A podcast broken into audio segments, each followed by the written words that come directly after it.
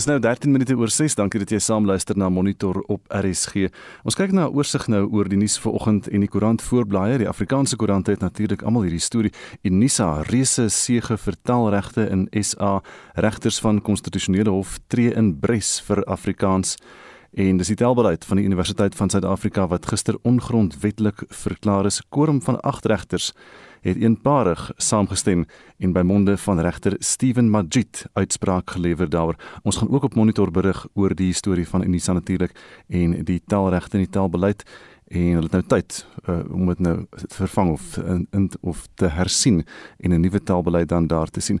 Graham Dickinson se suster in Nieu-Seeland om hom by te staan en is na die tragiese storie uit Nieu-Seeland is die ander berig hier. Dr Graham Dickinson se suster het veilig in Nieu-Seeland aangekom en sodra sy haar kwarantynetydperk afgehandel het, sal sy hom kan bystaan nadat sy drie dogtertjies glo deur hulle ma vermoor is. Dan kyk ons na die nuus op die voorblad van Beeld in die noorde van die land. Hier is 'n berig wat sê wind vererger brand en skade. Dit is brandbestryders wat probeer om 'n brand in die Magaliesberg berg te blus. Ek beveg al jare lank vuur, maar ek het in my lewe nog nie so iets gesien nie. Die wind het so gewaai dat die klippe en sand uit die veld losgekom en die sand in ons oë gewaai het. Dit is uh, Jean Mouton wat so aangehaal word, 'n lid van die brandbestrydingsspan Rebel Fire Assist met hierdie verwoestende brand in die omgewing van die Magaliesberg in Gauteng. Die digitale voorblad van Volksblad vanmôre, kunstenaar se vrou skuldig aan sy moord, is 'n storie uit die hof in die Vrystaat dan Sofia Meyer van Appington is gister in die streekhof in die dorp skuldig bevind. Dit is dan in die Noord-Kaap aan die moord op haar man, die bekende Suid-Afrikaanse landskapskilder Walter Meyer, 52 eh, jaar oud. Die voorblad van Business Day vanoggend gaan oor inentings, slump in jab rates threatens state target. Die regering lyk of hy nie sy um, teken kan help vir inentings nie. Vandag gaan er weer minder mense uh, inent. En dan die nuus op bbc.com. Boris Johnson praat daar by die Verenigde Nasies in New York en hy het sy boodskap aan die wêreld is it's time for humanity to grow up on climate. Hy sê almal van ons moet groot word uh, as ons dink aan die klimaat. En dis net so vinnige oorsig dan oor vanoggend se nuus. Suid-Afrika speel Saterdag 'n rugbytoets teen Nieu-Seeland by die Queensland Country Bank Stadion in Townsville, Australië. Nou die dag is in 'n sekere opsig geskiedkundig omdat dit die Bokke se 100ste toets teen die All Blacks sal wees. Die eerste toets ooit het in Dunedin, Nieu-Seeland op 13 Augustus 1921 plaasgevind toe die All Blacks die Bokke 13-5 geklop het. Nieu-Seeland is waarskynlik Suid-Afrika se mees gedigte teenstander op die rugbyveld en dit het ons laat wonder, sal die Suid-Afrikaners Saterdag die knoop deurhak? Ons het gister met 'n rugbykenner daaroor gepraat. Ons weet hy is nie baie optimisties nie, maar wat dink jy daarvan? En Wat maak die All Blacks so gedig? Stuur vir ons 'n SMS na 45889, dit kos R1.50 of gaan na facebook.com vorentoe skynstreep ZRSG of WhatsApp vir ons 'n stemnota na 076 536 6961 076 536 6961 17 oor 6 en oud-president Jacob Zuma dreig om 'n strafregtelike klag teen die aanklaer in sy korrupsiesaak aanhangig te maak oor 'n doktersbrief wat in Augustus glo aan die media gelek is. Dit het aan hulle gekom uh, toe die regspanne hulle betoë in die Pietermaritzburgse Hooggeregshof afgesluit het in Zuma se aansoek dat die staatsaanklaer advokaat Billy Downer hom aan die saak moet onttrek. Zuma en die wapenmaatskappy Thales staan tereg op aanklagte van korrupsie, rampokkery en geldwasery in verband met 1999 se wapenaankope. Dries Liebenberg berig. Hoewel Zuma nie in die hof was nie, het regter Piet Koen besluit om gerieflikheidshalwe die aansoek aan te hoor. Die verdediging voer aan dat Downer nie onbevooroordeeld, onpartydig en regverdig was in die hantering van die saak nie. Downer is al 20 jaar lank by die korrupsiesaak betrokke nadat Zuma se finansiële raadgewer, Shabir Sheikh, in 2001 in hegtenis geneem is. Zuma se regspan sê daar is 12 gevalle waar Downer volgens hulle onbehoorlik opgetree het of waar die nasionale vervolgingsgesag deel was van politieke inmenging in die saak. Advokaat Tabani Masuku het namens Zuma betoog dat Downer al so lank by die saak betrokke is dat hy nie meer onpartydig kan wees nie. Masuku sê Downer is bereid om die betrokkenheid van 'n buitelandse intelligensieagentskap en twyfelagtige NVG-besluite oor die hoof te sien solank hy Zuma kan vervolg. This was a travesty of justice. We cannot use the NPA as a constitutional institution uh, in these circumstances. When you just have a look at the affidavit of Mr. Hoffman, Mr. Downer wants to prosecute and disregard what is contained in his boss's affidavit. He wants to disregard all that. All he is interested in is one thing answer the question do you receive money or not? And that's not how our South African prosecution works. It, it has to be, there has to be integrity. Advokaat Wim Trengove het egter namens die staat betoog dat die NVG se regstatus om sake te vervolg nie betwis kan word nie omdat dit ingevolge die grondwet tot stand gebring is. Hy het gesê die verdediging se argumente gaan eerder oor die vraag of Zuma 'n regverdige verhoor sal kry. Trengove sê twee ander howe het van tevore al hierdie argumente oorweeg. As dit kom by die aansoek in 2017 in die Appelhof oor die NVG se besluit om aanklagte teen Zuma terug te trek, sê Trengove dat Downer 'n medalje verdien. And the irony is that this was another occasion when a prosecutor of integrity spoke up. My goodness, we need more prosecutors of that kind who have the guts and the courage to speak out about the decisions of their superiors when they believe them to be wrong. It is, of course, a risky thing to do, but in this case, the prosecutor was vindicated by the SCA. So he was right and he was courageous and he deserves a medal. Onder die gevalle van beweerde onbehoorlike gedrag wat die verdediging aangeroer het, is die uitlek van inligting aan die media Daar is verwys na opnames van gesprekke tussen Downer en 'n joernalis oor die ondersoek, sowel as 'n brief oor Zuma se gesondheid wat na bewering uitgelek het. Trengove het uit die brief deur die hoof van die weermag se geneeskundige dienste voorgeles en gesê dit bevat geen vertroulike inligting nie. And it said in paragraph 4 merely that Mr Zuma was admitted to hospital that he needed an extensive emergency procedure which pose a significant risk to his life, and that the minimum proposed period of care is six months. It said nothing about the uh, private details of his ailment. Trengove het gesê die departement van korrektiewe dienste het die brief sonder voorbehou aan Downer gegee. Hy sê Delner se beëdigde verklaring waarby die brief aangeheg was, is eers aan 'n joernalis gestuur nadat dit by die hof ingedien en 'n openbare dokument geword het. Trengove sê Zuma se prokureur, Mondli Tusini, het nie oop kaarte met die hof gespeel nie. So what Mr Tusini does not disclose to you is that on the very day that his lead counsel was telling me to keep that letter strictly confidential. The attorney and the author of the letter were preparing affidavits for the disclosure of the self-same letter. So for them to express outrage about its disclosure the following day is with respect entirely disingenuous. Die aansoek word vandag voortgesit. Ek is Dries Liebenberg in Durban. Die appel van Bloemfontein het beslis dat die toepassing van swart ekonomiese bemagtiging as kriterium vir die departement van toerisme se hulpfonds onwettig was. Afriforum en Solidariteit het die kriterium van die departement in die hof teengestaan. En ons praat nou met Solidariteit se hoof van regsaake Anton van der Byl. Môre Anton. Môre Anita. Vertel ons net 'n bietjie van die regering se beleid en die uitwerking daarvan, hoekom jy dit teengestaan het.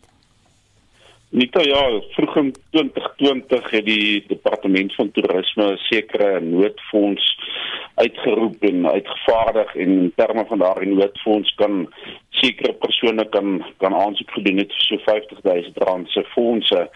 Die minister van toerisme het toe bepaal dat een van die kriteria vir die uitgee van die fondse is dat uh, jy 'n sekere vlak van swart ekonomiese bemagtiging punte moet bereik. Ehm uh, so in effek kon slegs sekere persone op grond van hulle ras kon hulle aansoek gedoen het vir hierdie hierdie fondse. Ons het geargumenteer, jy sit in 'n noodsituasie, jy sit in 'n situasie wat uh die regering uitgeroep het, 'n krisissituasie en jy kan nie nou as regering kom en sê maar ek gaan slegs in hierdie noodsituasie aan sekere persone uh, finansies gee en ander nie en dit is uitsluitlik gebaseer op ras en dit was maar die argument in die hof gewees en gelukkig het ons daarmee geslaag dan.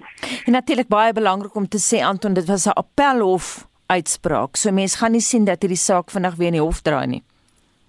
Ja, dit was appelhof die regter in die Hooggeregshof het in April of in Mei 2020 het hy ons aansoek van die hand gewys. Ons het aansoek gedoen om verlof te betaal na hom toe. Hy het dit ook van die hand gewys ons besluit kom ons gaan nou die hoogste hof van appel toe.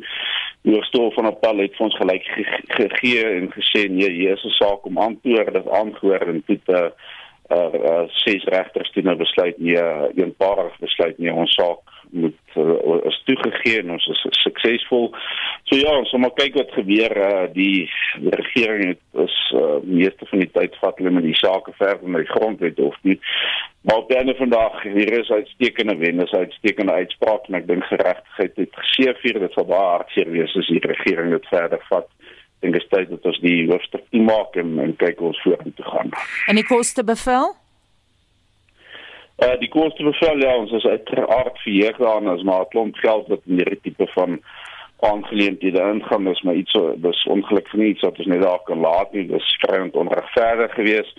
So ja, ons was toe daarom suksesvol met 'n koste bevel nie net in die hoogste hof van appel nie, maar ook in die hooggeregshof so ons kry daarom kostes terug en so die regering indien hulle voortgaan na die konstitusionele hof toe dan sal hulle maar eintlik die befondser wees van ons volgende litigasie. So ja, dit is lekker. Ons het met kostes gewen. Dit, dit wys ook die skryendheid of die ergheid van die van die minister se aksies. Koste bevele word nie sommer net so maklik gegee nie en hieso soos ek sê, ons in altoe oor het ons die koste bevel gekry. So dit beteken hof was nie gelukkig met haar optrede gewees nie. Anton baie kortliks en laastens, ehm um, beteken dit nou dat besighede wat oor die hoof gesien is, nou kan aansoek doen of is daai fonds uitgeput?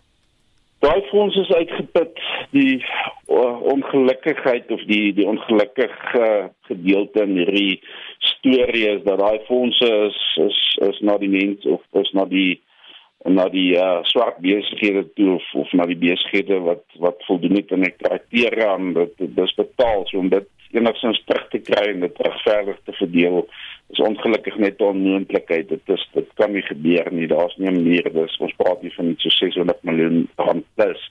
So dit kan ongelukkig nie gebeur nie, maar die ving die uh, regter is wel ag die ekskuus tog die minister is wel op die vingers getik en sê mag dit nie weer doen nie. So daar is ek dink daar is nuwe fondse waar al die almal in die toerisme sektor kan vooraan so doen, mm. maar daai spesifieke fondse is 'n noodfonds wat ongelukkig uitgeput is. Baie dankie Susie Solidariteit se hoof van regsaake Anton van der Byl. Die Gautengse polisie waarsku motoriste om ekstra waaksaam te wees nadat drie gewapende mans se gesin op die R80 hoofweg in Akasia by Pretoria aangeval het.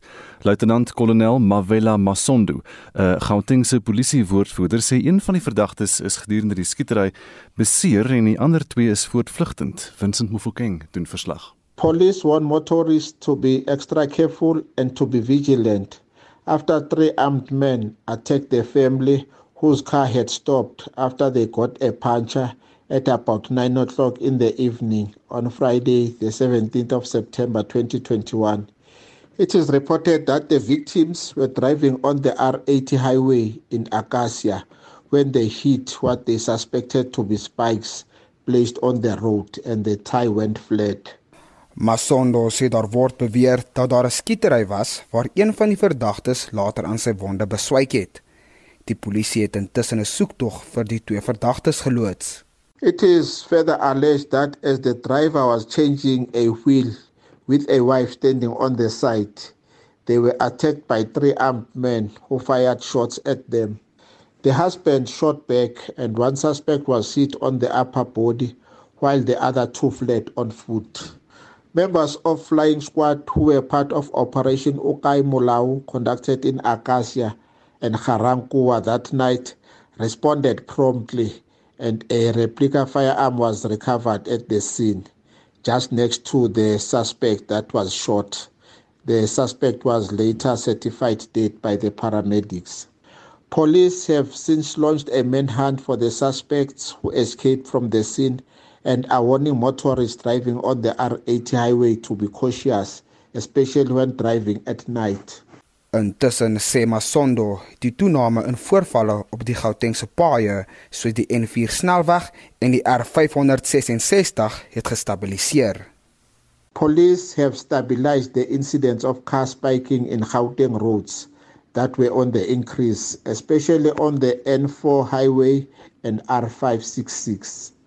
Crime pattern analysis showed that as soon as identified hotspots are mitigated with increased visibility of law enforcement and security partners, then criminals either change their modus operandi or move to another location. If motorists suspect that their tire punctures are as a result of having driven over spikes, they must immediately alert the police by calling the SAPS emergency number, which is 10111 scanning their immediate environment and by staying vigilant while changing their tire. But if they feel unsafe, then they must try to drive to the nearest filling station or to the nearest police station. Hy sê ook dat die 14 verdagtes wat verlede jaar vir diefstal en ander misdade in die gemeenskap in hegtenis geneem is, sal reeds hierdie maand in die hof verskyn. In the meantime, 14 suspects who were arrested in October 2020 for terrorizing and robbing the community at R80 and also at Theo Main Sport R89 and the surroundings. They remain in custody and they are expected to start with trial between September and December 2021. Dit was luitenant-kolonel Mavela Masondo, 'n Gautengse polisiewoordvoerder. Vincent Mufokeng, SAI Garnis. Ons praat rugby sake vanoggend en ST wat sê ons luisteraars se terugvoer. Anita Niels de Bruin sê na die nederlaag teen Australië kan die Bokke dalk net die knoop deurhak en hulle praat nou natuurlik oor die toets Saterdag tussen die Springbokke en die All Blacks. En Olivier Kritzinger skryf die All Blacks is goed maar ek hoop die skeieregter gaan konsekwent optree. Die Bokke moet werk aan hulle samespel bokke asseblief besop vir die geel kaarte. En Barend van der Merwe skryf ek verbeel my ek het iewers gelees dat Nieu-Seeland 'n 77% wenrekord teen Suid-Afrika het in professionele era. Hulle is eenvoudig in 'n ander klas daai manne. Dit is seker moontlik dat Suid-Afrika kan wen, maar is eerder onwaarskynlik. Ek het egter nie 'n TV nie maar sal dit op die nuus hoor wat die uitslag was sterkte aan beide die spanne en Adrian Newworth laat weet die All plek speel die beste hardloop rugby. Die manier hoe hulle die bal uitgee wanneer hulle hulle verdedigingstrek is baie goed. Hulle het net 'n uitstekende span. Kom ons hoop hulle bring die beste uit die bokke uit en die bokke verras hulle dalk net. Suid-Afrika speel Saterdag 'n rugby toets teen Nieu-Seeland in Australië en dis die bokke se 100ste toets teen die All Blacks.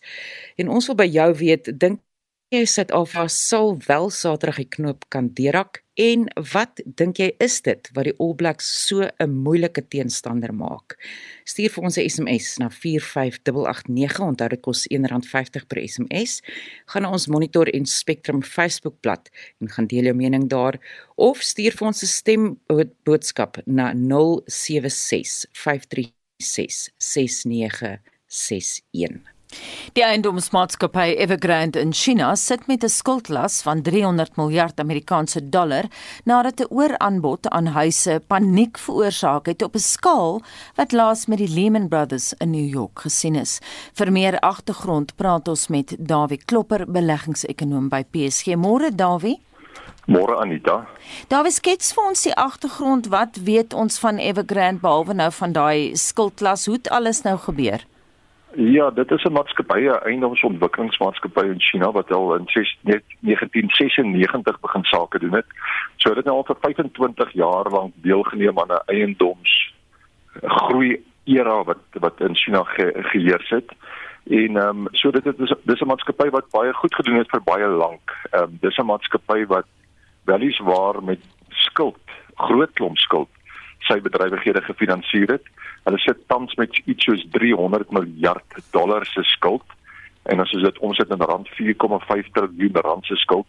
Dis 'n maatskappy wat so amper 800 projekte ontwikkel het oor die tyd in 234 stede in in China by betrokke is. So dis 'n baie groot maatskappy en net om miskien net uit te lig oor die mate van ooraanbod van eiendom wat op die oomblik in China bestaan om dit in perspektief te stel. Ehm um, en dit is nou nie net Evergrande wat hierby betrokke is nie. Daar is soveel te veel beskikbare eiendom in China op die oomblik dat 90 miljoen mense daarin gehuisves kan word. Mm. Dit is iets soos 30 miljoen eenhede as mens nou, nou sê in elke eenheid gaan daar 3 mense bly wat te veel beskikbaar is wat nie mense op die oomblik in het nie. En dit is deel van die probleem. Jy weet, as mens net daai 90 miljoen in perspektief sit en die hele Franse bevolking is minder as dit. Die hele Duitse bevolking is minder as dit. Ons bevolking is minder as dit. Mm. So kom mens aangaan. So dit is wesentlik, nê? En en en wat dan nou verder gebeur het is dat verlede Oktober het die Chinese owerhede beg tog 'n bietjie begin sien in die agtergeraak oor hierdie skuldvlakke wat heers in hierdie maatskappye en het hulle 'n sogenaamde drie lyne van skuldvereistes opgestel en Evergrande het hulle almal geval. Hulle het te veel skuld. Dis punt eh, om mens amper net sê. En dis kon hulle ook nie in van verlede Oktober af nuwe skuld aangaan nie. Um, totdat hulle skuldverhoudings nou reg gekry het nie en dit het die hele ding begin ontrafel. Hulle moes nou eiendomme probeer verkoop wat hulle het en en in die proses uh, moet hulle afslag ehm um, aanbied en dit vererger die verhoudings nou nog erger hierdie skuldverhoudings van hulle en en dan het hulle ook hulle eie ehm um, hulle deposito's geneem by men, by by nuwe kliënte mm. en hulle kan nie vir hulle die geboue lewer nie. So jy kan sien dat daar 'n groot skaalse ongelukkigheid aan die opbou is rondom hierdie besigheid. Maar hoe het hulle so fundamentele fout gemaak? So oor aanbod van huise. Mens weet mos in watter rigting jy beweeg. Dit is die ding van die Chinese groei wat ons die klomp uh, oor die afgelope 15, 20 jaar uh, gesien het. Men ons is almal geweldig beïndruk met die sterk ekonomiese groei wat in China aangeteken word, maar 'n groot deel daarvan was gebaseer op die ontwikkeling van van eiendom. Ehm um, dan nou die wooneenhede en ander eiendom ook en die ontwikkeling van nuwe stede. Ons weet as daar word baie keer vir ons vertel van daar stede wat ontwikkel is waar daar niemand nog gaan bly nie. 'n Totale stad, baie fabrieke, eh, geboue met eh, winkels en ensovoorts en daar's niemand wat daar bly nie. So dit is dit was die Chinese storie eh, om groei te bewerkstellig wat ons almal baie beïndruk het. Mm. En ehm um, so dit het gebeur. Die die dilemma is net nou, nou begin daai hier sien die agterheid ontstaan en as die skuld ehm um, die die die die opbrengs op die op die skuld is besig om dan nou die hoogte in te skiet want want jy moet nou vergoed word vir die risiko wat geneem moet word. Met ander woorde, die prys van die skuld is besig om dan nou ehm um, geweldig te daal eintlik op die die onderliggende waarde hiervan is besig om geweldig te daal. So, hulle het selfs by hulle werknemers begin geld leen om mm. om om hierdie ontwikkeling aan die gang te probeer hou. Maar wat ook dan nou gebeur het nou net is dat die aandeleprys van van Evergrande het het skerp gedaal van 27 dollar 18 maande terug na 2 dollar toe nou. Vanoggend so klein bietjie gestyg. Hmm. Maar maar die agtergrond, jy vra nou wat, wat het hier gebeur? Die agtergrond waar binne ook al hierdie goed in China op die oomblik aan die gebeur is, dis nie net die eienaarssektor nie. Uh, hulle praat van ehm um, gedeelde welvaart of common prosperity, die nuwe ehm um, beleid amper van die Chinese owerhede. En dit beteken dat hulle sê maar hier's te veel welvaart by sekere mense en te veel uh, sommige mense is te arm en ons moet dit gedeel kry, ons moet dit gelyk begin trek. Mm. Tipies 'n sosialistiese kommunistiese bestel. En en dit plaas ook druk dan op op die groei in 'n land en dan ook nou spesifiek in China. Mm. En en die die ding is net hiervan dat dit implikasies veel wyer as net China of die Chinese markte. Dit het dit het implikasies wat oorspoel na die res van die wêreld toe. Ek wou juist vra hoe raak dit Suid-Afrikaners? Ja, baie interessant, jy weet, ons kan ons kan van Suid-Afrikaanse ons Suid-Afrikaanse aandelemark praat as 'n as 'n as ek die woord mag gebruik 'n proxy vir China.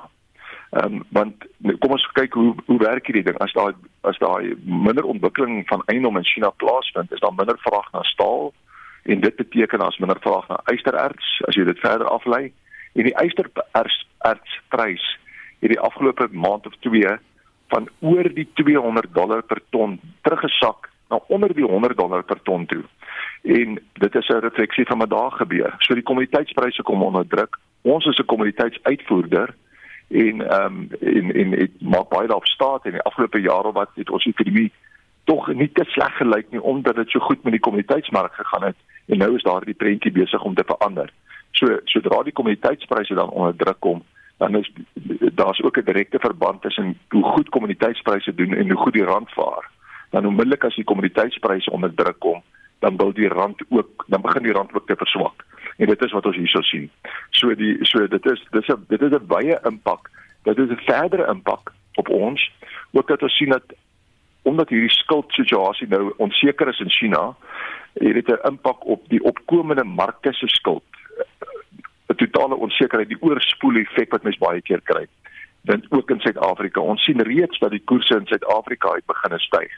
Ons aandelepryse van ons hulpbronmaatskappye soos Kumba is amper 14% af oor die afgelope maand of wat.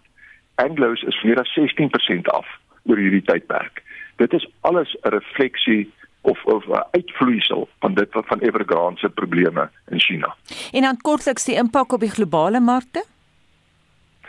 Ek dink daar is hierdie die onsekerheid rondom opkomende markte. Dit maak opkomende markte bietjie minder aantreklik vir die oomblik. So dit is waar hy deurspoel op die oomblik, hierdie hele ding van skuldvlakke. Kan dit 'n Lehman Brothers oomblik wees mm. daar in 2008 toe, toe die finansiële mark of die finansiële krisis in die wêreld ontstaan het? Ek dit lyk nie vir my so nie. Ek verwag tog dat die Chinese owerhede op die laaste nippertjie op 'n manier gaan ingryp en keer dat die ding heeltemal uitmekaar uitval. Baie dankie en so sê Dawie Klopper beleggingsekonoom by PSG. 14 minute voor 7 jy's by Monitor op RSG. Daar's groot opwinding onder wetenskaplikes oor drie dragtige Orcinus orcas, oftewel moordvisse wat aan die kus van Brits Kolumbie in Kanada gewaar is. Hommeltuie het die verandering in hulle grootte met fotos gedokumenteer. Annelien Moses berig. Die moordvisse is deel van 'n skool wat as J-Pod bekend staan. Hulle voortbestaan word ernstig bedreig. Dr Els Vermeulen, navorsingsbestuurder van die Soogdier Navorsingsinstituut aan die Universiteit van Pretoria wat fokus op walvisse, sê drie swangerskappe in een skool is 'n seldsame verskynsel. Southern residents are the smallest population of the resident killer whales from the eastern North Pacific. And there's three populations of those. And so this the pregnancies relate to the J pod, which is a, a group of killer whales. Let's think it's about 74 individuals. And they have been struggling in the last couple of years with pregnancies and survival of calves. And so I think in the last decade or so, they've had on average, I think about one successful calving each year, which is not a lot. And so having three females that are pregnant at the moment is significant in that way. But because, you know, we don't know how far they are in their pregnancy, I mean, we know calf survival is low. Apparently, you know, researchers there are quite optimistic, but it's, it's early to say and jump for joy kind of thing. You know, these, these females still need to go quite a bit. And, you know, in the first year, survival is, is like a 50-50 chance. So, um, but if one or two of these calves pass that kind of critical stage, then that is obviously very positive. Vermeulen sê die omstandighede moet gunstig wees vir die diere om hulle swangerskappe te voltooi en gesonde kalfies die wêreld in te bring. Threats that, that these southern residents are facing, it's threefold. So it's food availability, so they're quite specialist feeders. These ones actually depend on Chinooks and salmon. And so prey availability is a big issue. And then uh, pollution. So I think what they believe to be the biggest detriment to calf survival and pregnancies to term is actually the offload of the contaminants from the female to the offspring. And so pollution is a very big problem. Obviously, bioaccumulation, if they eat predatory fish like salmon, they accumulate quite a lot of pollutants. And then bird disturbance is a big one. And so even now the researchers have agreed all amongst each other to not actually research this pod anymore until these calves are born and well within a bit of development, just to keep the distance with the boat. So whale tourism there is, is extreme, you know, the tourism on the killer whales. And so boat disturbance is definitely one of the three main threats. Sy sê gevestigde moordvisse kom slegs op 3 plekke voor: die Oos- en Weskus van Amerika en dan Kanada en Noorwe. Sy wat self gereeld op bote vaar, het nog nooit 'n verbygaande moordvis gewaar nie. Killer whales in South Africa are mostly transient animals and it's very erratic. We do have more and more sightings in recent years, but we also don't know for sure if that is because more people are on the water and there's more reports, you know, with different apps and stuff that are available now to report sightings in social media. So there is a study that we're collaborating on, but it's very difficult to do dedicated research on killer whales in South Africa because it's such an erratic kind of appearance of these animals. They, I mean, they travel vast distances, so there's no way to say when and where killer whales can be seen. It's good luck, and I think we can see them maybe 10, 20 times in a year. Vermeulen sê dit sou 'n onbegonne taak wees om 'n swanger moordvis aan die Suid-Afrikaanse kus te dokumenteer. one, you got to find the whales. Again, the collaborative research we've been doing is trying to biopsy sample some of these killer whales, and it's extremely difficult because of you know the rarity of sightings. And then when you do see them, getting close to them, to fly a drone over it or fly, you know, get a biopsy sample is so difficult. So, I mean, in South Africa, I think it's not very feasible. The advantages they have in the US and Canada is that these animals are resident and they're right there, you know. You can just fly a drone over and measure these animals. That's exactly what we're doing with the right whales here in South Africa. We're looking at body condition of southern right whales with and it's easy because these animals are there. You know, you kind of approach a little bit with a boat, but not too much, and then you fly the drone over. Killer whales in South Africa, I think that's quite of a, a hell of a challenge to get some of that knowledge. We can basically better look at calves, and when we see groups of animals, record if we see calves. I think that's going to be the best way for us to estimate about reproduction in killer whales. Sy sê hommeltuig tegnologie raak al hoe belangriker vir hulle navorsingsmetodiek. Hulle is reeds besig om die suidelike Noordkapper op die manier na te vors en sal binnekort met boggelrug walvisse begin.